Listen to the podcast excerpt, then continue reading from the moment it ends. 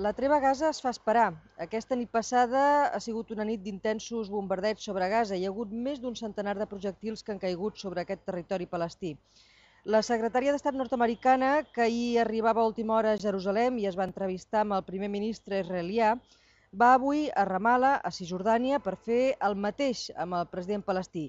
Després vindrà al Caire per trobar-se amb el president egipci i, per tant, podem dir que la diplomàcia encara no abandona les esperances.